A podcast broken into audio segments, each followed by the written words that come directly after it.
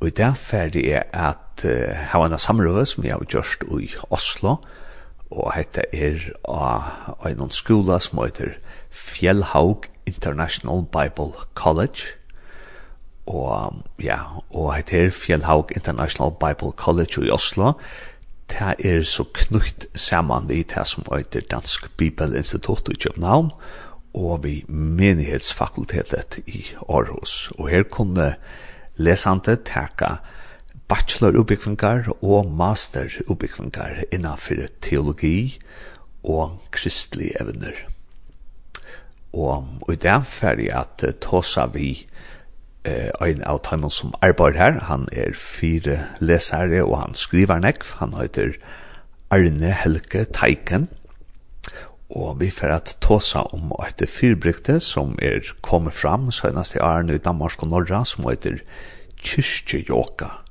Så det er det som vi får at eh, eh, snakke om i det. Det er så løs at jeg, Johannes Miskær, er byggven nå i Øynatøy og i Kjeppmannhavn. Og her eh, sykla jeg forbi en kyrkje, og ta leser jeg en skilt utenfor at her var kyrkjejoka.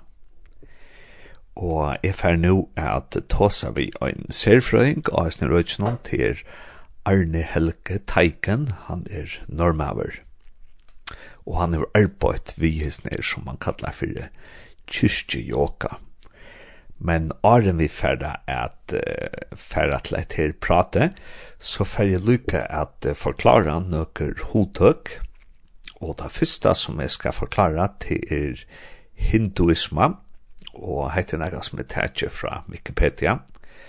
Og Wikipedia sier at hinduisma til er en forklaring for nekvar religiøsar tradisjoner.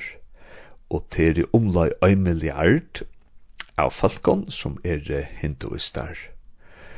Og, og i motsetning til buddhisme, kristendom og islam, så hever hinduist hinduisman eh, onkan ortlian eh, hvordan det er, onkan ortlian eh, stiftare, alltså join som sätter da stone som så.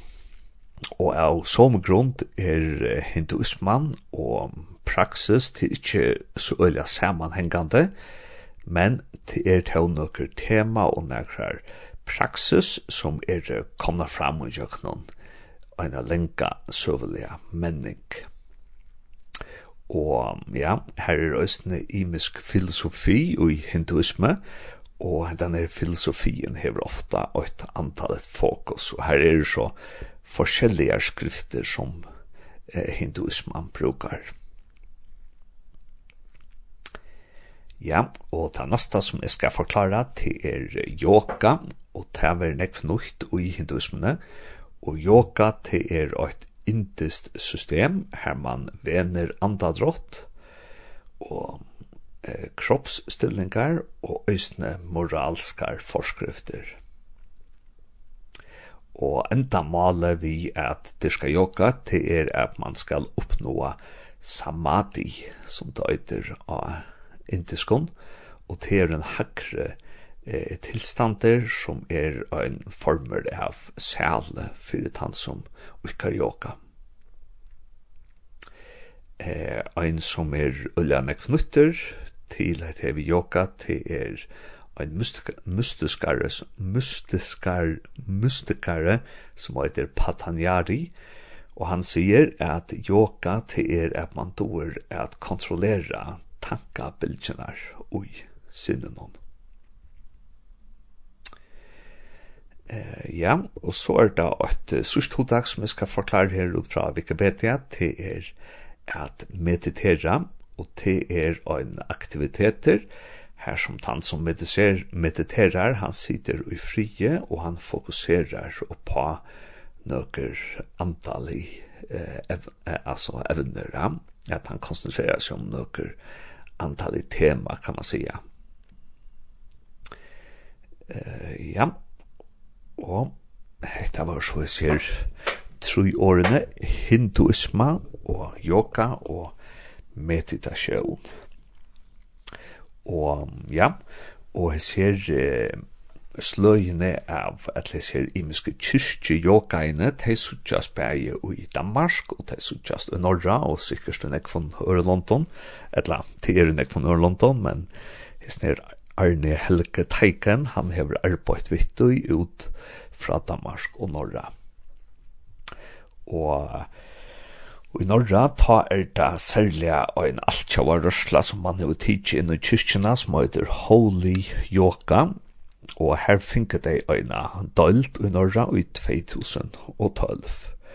Og i Danmark her kom da i 2015, og her har de tidsi et altkjava rørsla eh, rak som heter Yoga Feit. Og begge hans her, Holy Yoga i Norra og Yoga Feit i Danmark, de er bunden og i stor altkjøa netversk her som ta øysene er Holy Yoga og Yoga Feit. Og ja, at man kan øyne sige, at man kan fortelle at det er Joka Feit i Danmark, ta hever finnje nokså nekv oppmerksamhet, og her vil nok nekv diska av Joka Feit i Danmark, altså kyrkjoka, og i Norra heter vi Holy Joka, til ikkje lyka nekv som det er i Danmark. Så i Danmark er det altså Moira, jeg vet ikke, kyrkjoka, men det finnes òsne i Norra. Ja, yeah og boar hesar her rørslunar, eh, Holy Yoga i Norra og Yoga Faith i Danmark. Ter eh, pastanda atla tøynar er at yoga, det er ikkje neka religiøst i vitui. Men om man så leser eh, grundbøknar tja eh, Yoga Faith rørslene og Holy Yoga rørslene, så viser det seg at eh, boart her grundbøknar som de brukar, de eh, eh, gjør bruk av eh, noen skriften tja vismannen Pajanta Jales Yoga Sustra. Og det er for jeg sier løsning rom her. Det er som heter Yoga Sustra, det her er skriftene, det er våre skriva jeg eh 400, i middelen 400 åren og 400 etter Kristus. Man var ikke ordentlig nær det skriva jeg og til uh, nekfer uh, religiongrannskarar som meina at man ser en avvisan buddhistisk an hoksnar hatt og i snar skriften om Yoga Sutra. Eh, men altså, mest av utland så var yoga her sett inn i en hinduistiskan eh, kontekst. Og um, i fylkisner skriften om, som er omlai 1600, kanskje 2000 år gammalt, så er endamallet vi joka til er at tilvit tjati ønstaka menneskjanon, det skal oppløysast ui til universella godomlega tilvite. Så altså det tilvite som er Johannes Jave, skal man jo kunne joka, få å smelta saman vi tui alt tjoa godomlega tilvitnum. Og joka det betyr nettopp att smälta samman. Och det handlar alltså om att man smelta samman vi en godomlig virkelighet.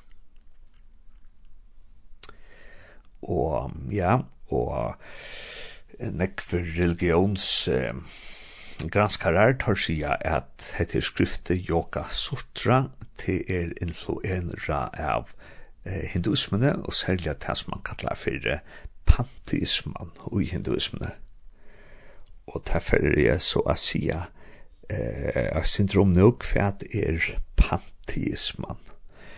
Eh, og det kan være flere religioner og panteisman hon lærer at god er en opor opor omskilt av en opersonlig kraft et eller annet opersonligt prinsipp så altså god er ikke en god og god er ikke en personer, men at god er heldur en kraft, et løyt eh, prinsipp.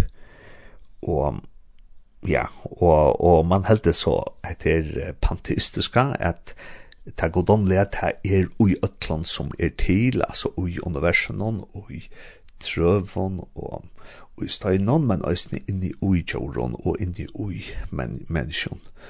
Og enda mal vi pantismen til så at man skal erfæra god inni i seg sjálfon og inni i ötlån universen. Og ja, og, og heter akkurat det man ser i yoga, altså i taimon, grundskriften som heter Holy Yoga og Yoga Faith bytja av, her ser man at det var vust atter til yoga Yoga Sustra, og her var det øyelig ofte sagt at man skal altså erfæra det godomlige eh, det godomlige tilvite som er i Øtland Alheimnon. Eh, ja, og så kan Ilga forklare om eh, yoga, at uh, yoga så tar man øyelig ofte om chakras, og til er noen godomlig kraftsenter som er ui kroppen hon. Og her har dit kanskje se mynter at man teknar et menneske opp som sitter kanskje vi bøyn noen på kross og gjerne jokastillinje og så er det nekre rundtengar og man jokner ikke noen her som tar færa eh, nekre hva skal man kja bilder utfra og det kallar man for en chakra og ja og det er tjeisarne chakra og eh, Rick Asene, og kvart av oss nere tjei sakreine til så senter for det godomlige eh, energi, eller godomlige orske. Og ja, og tar man så sitter i sånn stillingen og joka så rævd om at komme kontakt vi øynene av oss nere, eller fløyre av oss nere tjei eh, sakreine. Eh, ja, Og eh ja. Så hetta var lusinter om tei hotøk eh, så vi kommer at høyre nu og i praten om tei er ferdig at tåsa vi eh, Arne Helge Teiken, og Arne vi fra tåsa vi han, så ferdig at eh, spela et le, og til leie til være vi Regen Gottesen, og vi skulle høyra leie færen.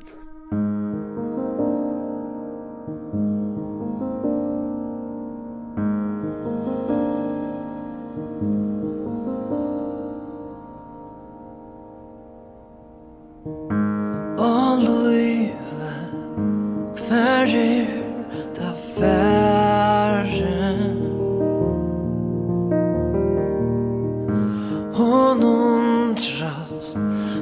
kjenner svære At ein så sant ur kjøtt Mittlan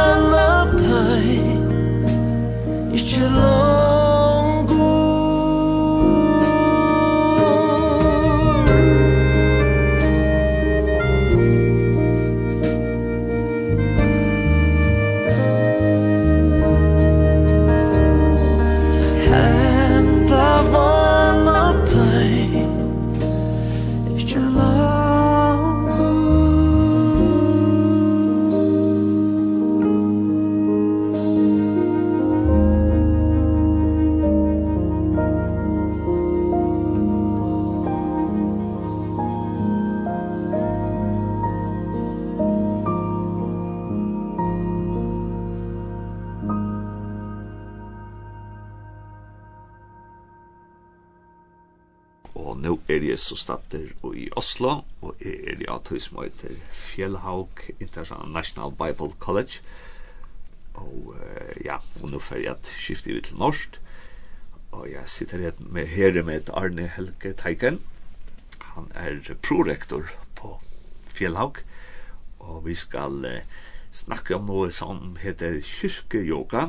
Og det er der hvor man forener kristendom og yoga Men spørsmålet er så kan yoga og kristendom overhovedet uh, forenes.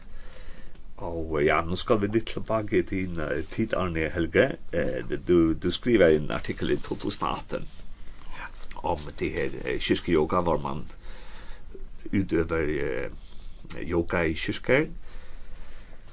Uh, og um, ja, og, og, og du fokuserer i den her artikkel på Danmark og Norge. Uh, og um, ja, og nu er det så godt fire år, og, og har du fornemmelse av at, at det liksom har utviklet seg, er, er det stadigvæk eh, mer og mer yoga som har kommet, eller er det litt mindre? Hva er din liksom fornemmelse efter de her fire år? Mm. Jeg synes det er litt vanskelig å svare på det spørsmålet, for det er en bevegelse som ytrer seg eller utvikler seg mer, la oss si, i det stille kanskje. Men av og til da så får de en viss oppmerksomhet, og de har jo eh, sine organisationer. Så hvis en vil prøve å finne ut av dem, så, så kan man gå inn på, på nettet så, og skrive da de rette søkerordene. Eh, Jeg tror kanskje at det er økende, eh, og at det er, de har en agenda, ikke sant, der hvor de vil prøve å skaffe en slags aksept på yoga som en alternativ måte å dyrke Jesus på, og, og det man forutsetter eller selger dette da, eller eh, markedsfører det eh, som en religiøs øvelse som i seg selv er nøytral. Eh, det er tankegangen.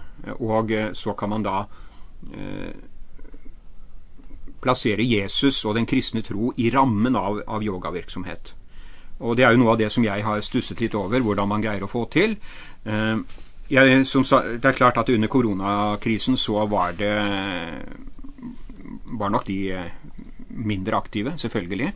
Men jeg har jo ganske nylig lest altså da om, om at man i, i de norske kirkene, en i Bergen og en på Sørlandet nå, så, så har man yoga-gudstjenester. Og det har pågått en tid, det har det. Men at et stort gjennomslag, det tviler jeg på, det, er, det tror jeg ikke det egentlig er, men, men det er en, det som er vel så mye å stille spørsmål ved er at dette, det er, det er denne aksepten på det, at dette er en måte å, å, å, å finne Jesus på som bunner i en tenkning som, som jag menar överser en del väsentliga ting i den kristne tro då. Ja.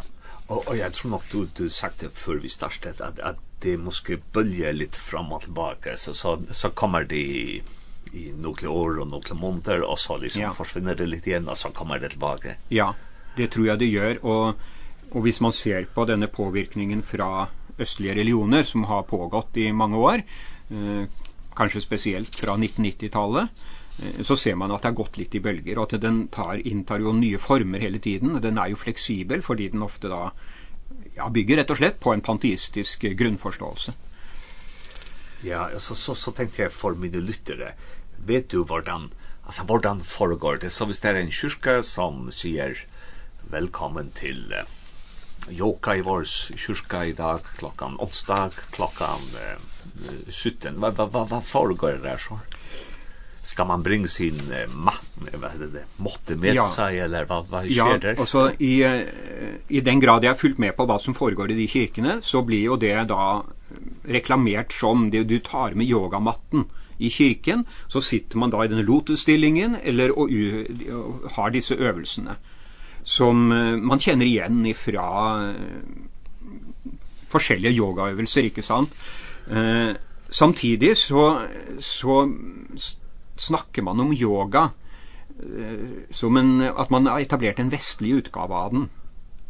Eh, og den, man avviser ofte at, den har, at det er, har hinduistisk opphav. Det vil si, de har en snakk i den her yoga-gudstjenesten. Nej, ja, det, så nå tenker jeg det med snakk, så tenker jeg hvordan man markedsfører det. Ok, ja, ja, ja. Men det er ikke så mye snakk, nei. nei. Og så når du har, men når du, man er inne i, i disse yogaøvelsene, så skal man jo tie still, og så skal man da eh, meditere. Ja. Eh og så er det spørsmål hvordan man gjør det. Ja, ja. Og er det en som, en som leter det? det är det som är Ja, det er lejer. det. Ja, det är, er det. Är det som präst eller är det Det kan det vara. Det kan det vara. Ja, det är präster här i Norge som som har tagit yogaundervisning och som då kanske då knyter sig till en en en av disse store yoga internationella yogabevegelsene, och har kanske också då blivit autorisert som som veileder. Hvor de må genom ett program för att bli auktoriserade vägledare. Men jeg kan samtidig si selve begrepet yoga har det gått veldig inflasjon i. Eh alltså man kallar det yoga fordi man sitter i diverse stillinger, men eh, man har man gjør er ikke alltid bevisst på og gjør kanskje heller ikke bevisst på at de øvelsene man gjør, altså man skal spørre er det yoga i egentlig forstand. Eh og det er Eh, det er der jeg tror at det er behov for en veldig bevisstgjøring. Hva er yoga? Og hva er forskjellen på det at en person da tar tøyningsøvelser og kaller det yoga, og at det virkelig er yoga? Ja. Altså det som foregår i disse kirkene, Jeg, mitt inntrykk er jo at der har man tilknytning til internasjonale yogabevegelser, også cross-yoga for eksempel, er veldig sterkt inne.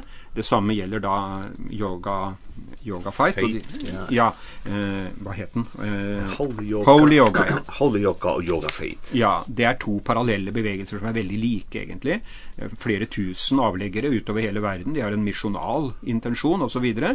Og jeg har lest lærebøkene deres. Så, så hvis du spør Och det är ofta nog man håller lite tillbaka. Vad är det egentligen? Hur definierar de yoga?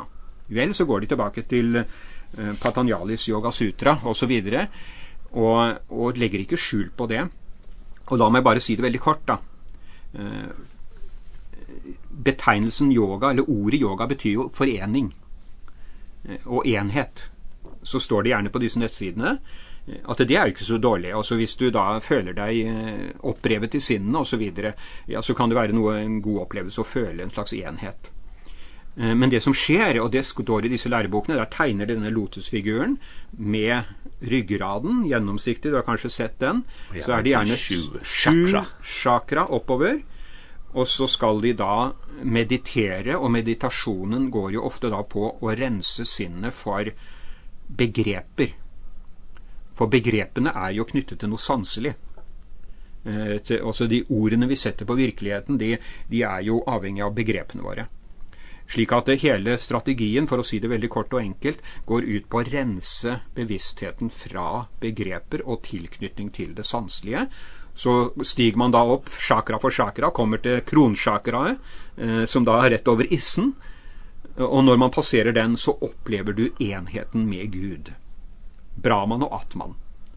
Og i disse bøkene som jeg har lest, da, som brukes som lærebøker innenfor de to holy yoga og cross yoga, så sies det helt eksplisitt altså de anbefaler altså, altså det er målet med yogaen er å komme til denne opplevelsen av Gud som da skjer på kronchakra-nivå.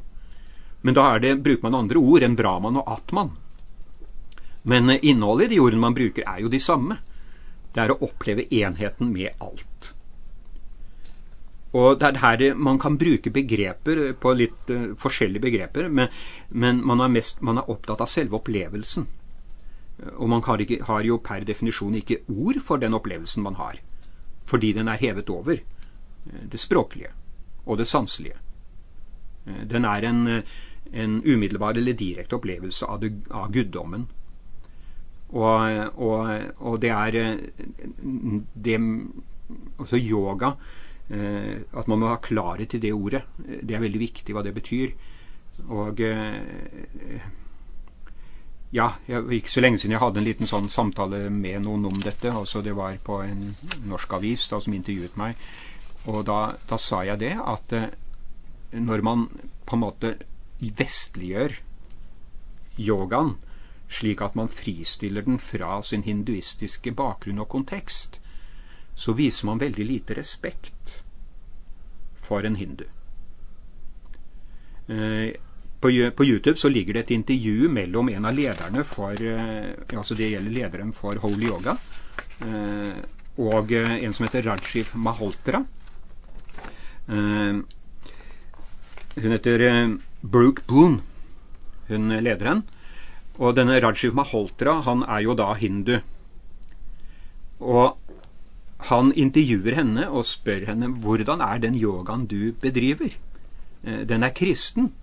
Han påpeker da det har jo, nå har man jo muslimyoga, man har tora-yoga, man har alle mulige varianter, og så på en måte forklarer, forklarer hun hvordan hun gjør dette er en vestlig amerikansk yoga. Og så spør han plutselig, hvis jeg tok din bibel og eh, plasserte en Jesus-oppfatning inn i din bibel, som svarer til en annen religion. Is that all right? spør han. Do you think it's, uh, it's all right? Og da blir hun satt ut. For hans anliggende er jo, altså dette her er vår, dette er, det er en kultur egentlig som ligger bak, og det at man da annekterer yogaen, og nærmest gjør hva man vil med den, det er, jeg mener det er en side ved denne virksomheten som man ikke er oppmerksom på. Det har å gjøre med, med respekt overfor en annen kultur, tenker jeg. Selv om man da vil si, jeg tror ikke på yoga, og jeg tror ikke på den guddommen du finner i yoga, så hvis man overhovedet skal kunne få kontakt med personer da, som på si, er overbevist om dette, så må man jo på en måte respektere det. Og så hvis man tar kristendommen og løsriver den ifra dens jødiske kontekst og opprinnelse, eller gjør det samme med islam, og lager en vestlig sak av alt mulig. Han sa det, sier det i denne, dere europeere eller amerikanere, dere kommer til India, oppretter deres yogasentre der, og dere gjør som dere alltid har gjort, dere koloniserer oss.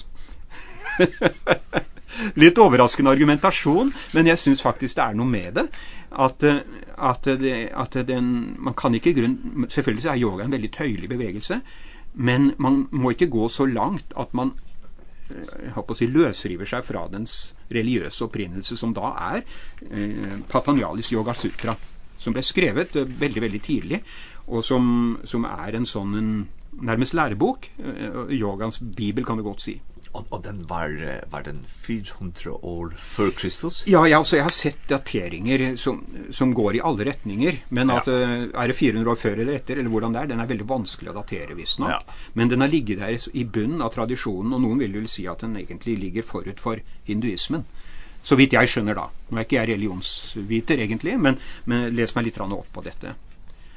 Och där är det ju når du ser, når leser hun disse her, så særlig hun da som er leder av, av cross-yoga, Michelin Thielin, så skriver hun i sin lærebok, hun sammenligner Bibelen, der bruker jo særlig Johannes evangeliet, der er jo en terminologi som passer godt, ikke sant, og sammenligner det med Patanjalis Yoga Sutra. Og jeg husker en gang, det var jo faktisk i Danmark, så hadde jeg en, et møte med noen ledere for yogabevegelsen, crossyoga, der nede, og jeg stilte dem spørsmålet, du har hatha yoga eller du har hatha yoga, traditionell yoga. Du har mormon yoga. Eh Du har muslim yoga. Det ligger på nettet alt sammen og du har tora yoga, en jødisk variant. Og du har kristen yoga. Hvis du samler fire representanter for hver, eller en representant for hver, og, og så spør du opplever de den samme Gud? Om de nå kaller seg det ene eller det andre. Og da husker jeg den ene av de svarte 'Jeg vet ikke'. Den andre sa 'Selvfølgelig'. Og det er noe som er vesentlig å stille spørsmål om, fordi at man har en gudsopplevelse som da faktisk er, er løsrevet fra ord. Ikke sant? Og det er der forskjellen mellom kristendommen og, og denne bevegelsen egentlig ligger. At man skal tie still, sitte på matten og meditere og få en opplevelse ja, det er jo ikke den kristne Gud, for den kristne Gud kommer jo til oss i et budskap. Han kommer rett og slett i ord. Og heldigvis så har jeg både ører og øyne, så jeg kan lese det der. ikke sant? Altså, og, og jeg kan tro at ordet i ordet er Gud. Der, der ligger det en veldig, en veldig vesentlig forskjell som jeg tror ikke er gjennomtenkt bestandig. At det, altså min relasjon til Gud er personlig, og hvordan får jeg en relasjon til en person? Hvis jeg håper å leve med min kone år ut og år inn uten å snakke med henne, eller uten at hun snakker med meg, så blir det jo ikke være noen relasjon. Altså ordet er jo konstituerende i relasjonelle forhold. Vi kan gå til Martin Buber og til personalistisk filosofi, så er det jo skrevet mye om de tingene der.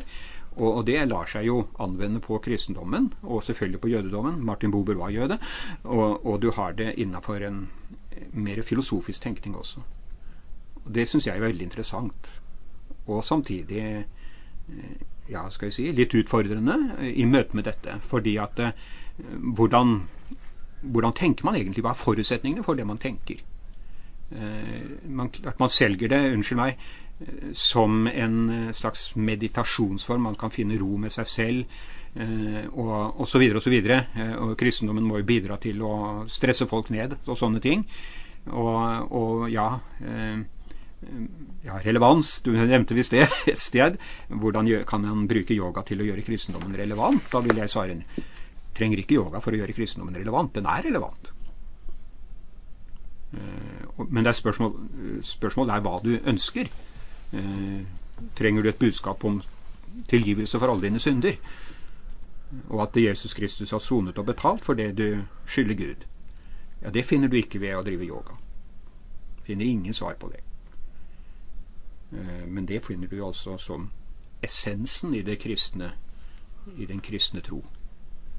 Og hvis folk har behov for å slappe av, og på, på en måte hjelp ben, problematisk, eller at man er sliten, trett osv. Da mener jeg vi kan bruke de menneskene som har utdannelse til det psykologer och så vidare. det det synes jag vi ska vara flinke till i kristne sammenhenger, och så när folk då føler seg trette, kan man ikke da si ja, nei, men det, ta en fisketur, eh, gjør et eller annet avslappende. Og jeg sa det, de spurte meg en gang, husker jeg, hva vil du ha som et alternativ til yoga? jag vill säga si, du måste vara försiktig med att bruka det ordet, men kan det inte vara en diakonal uppgave att lära folk att bruka kroppen? eh och och på måte det alltså få folk ut i frisk luft och så vidare eh, och utan att man då brukar en en gammal religiös tradition till och så och så in i detta här då. Men tror du att att eller syns du så att vi kom i vars i vars kyrka ska tänker du så att vi skall skal vi organisere at uh, for eksempel hver lørdag så inventerer vi folk til å gå sammen i fjellene.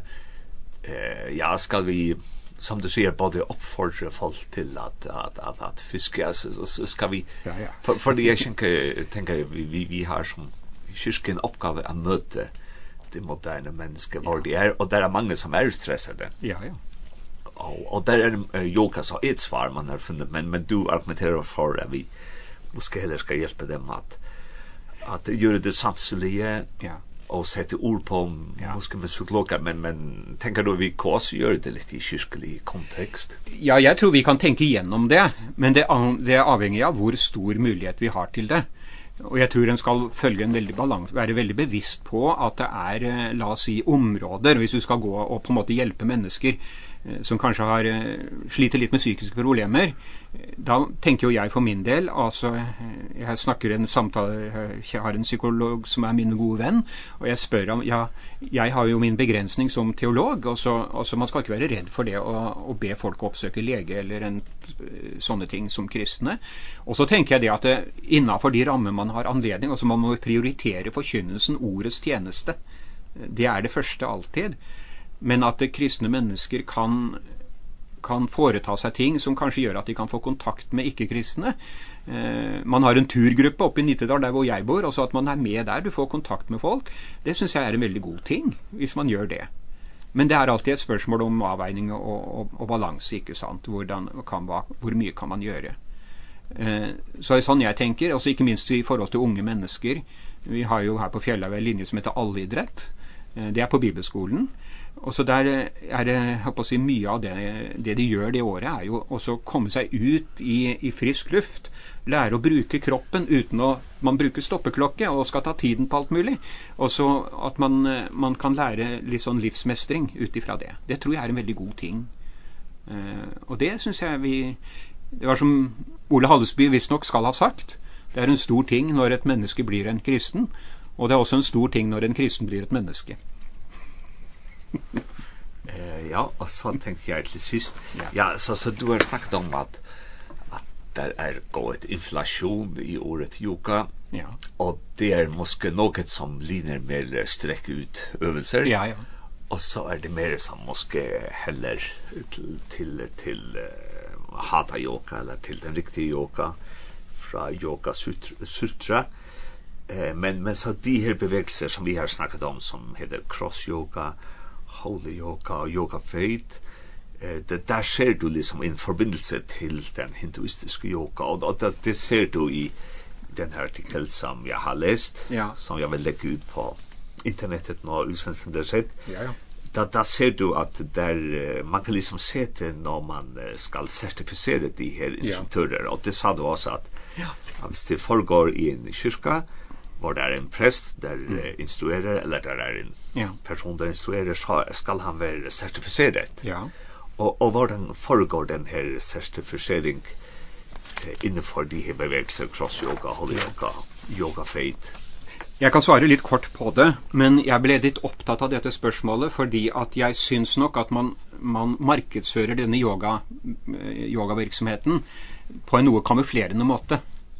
Eh, og jeg prøvde å finne ut hvordan disse internasjonale kristne yogabevegelsene hvordan forholdt de seg til de store globale yogabevegelsene. Og da fant jeg jo at de var de de måtte gå til Yoga Alliance som da er en ikke-kristen global yogabevegelse og de har på en måte da fått et monopol på eh på det å kunne sertifisere yogalærere og de må bruke deres bøker og, og på en måte bli sertifisert på deres premisser. Og da må jeg jo si jeg syns det blir nesten som å Ja, altså, når vi ordinerer en prest, så, så skjer det innenfor kirken. Eh, ideelt sett i hvert fall. Man går ikke til en annen, la oss si, som har en annen rot, en annen religiøs rødt, andre religiøse røtter for å gjøre det. Och der, for meg, där blir det för mig en ett stort problem eller jag menar de har ett problem. Fordi de med sin praksis og med dette viser en tilknytning til det du kan kalle en, en klassisk yoga.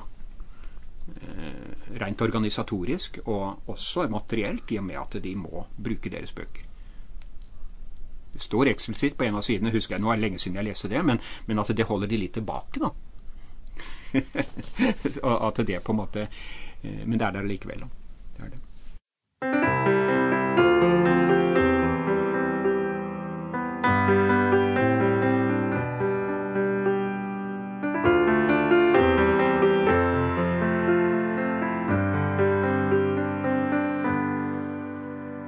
Sarte sinta trælur Fjärsta vanda vir Jesus kallar han vi litar till. Kom till Jesus. Kom till Jesus. Kom till Jesus. Only Tuna sinta bire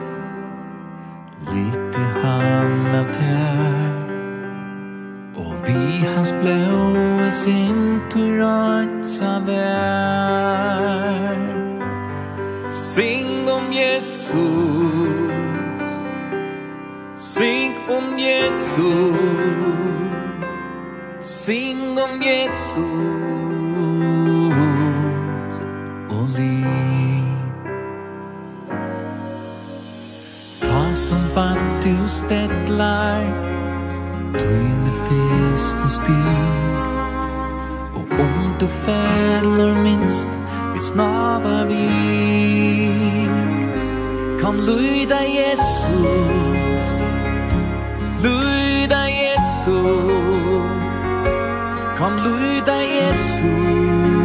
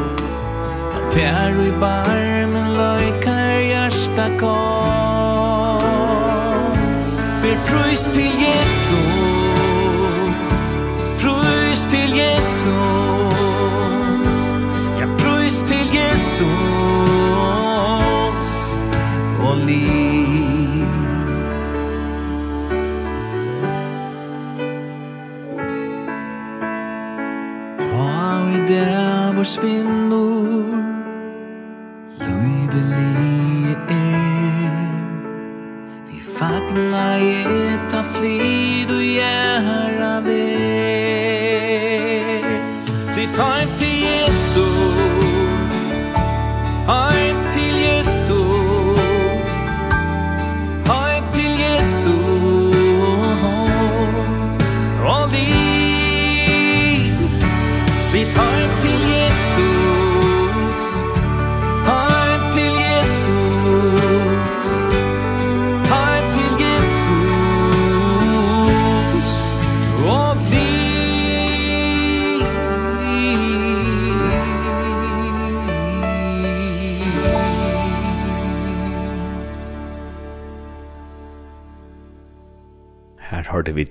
sarte sinta trælor, og det var vi Torskjell Mørskåre.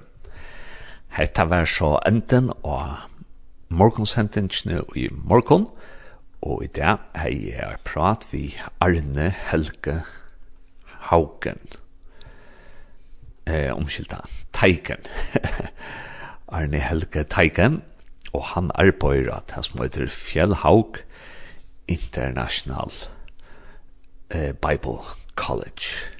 Og de hava bæge, de hava bæge bachelorbyggningar, og de hava masterbyggningar, og de hava ysni en, en haskola, som heter Bibelskolen Fjellhauk. Og hvis du vil lesa meira kanska om Arne Helge Teiken, etla om tar ubyggingar, så kan du fara inn av fjellhauk.no, f-j-e-l-l, h-a-u-g.no.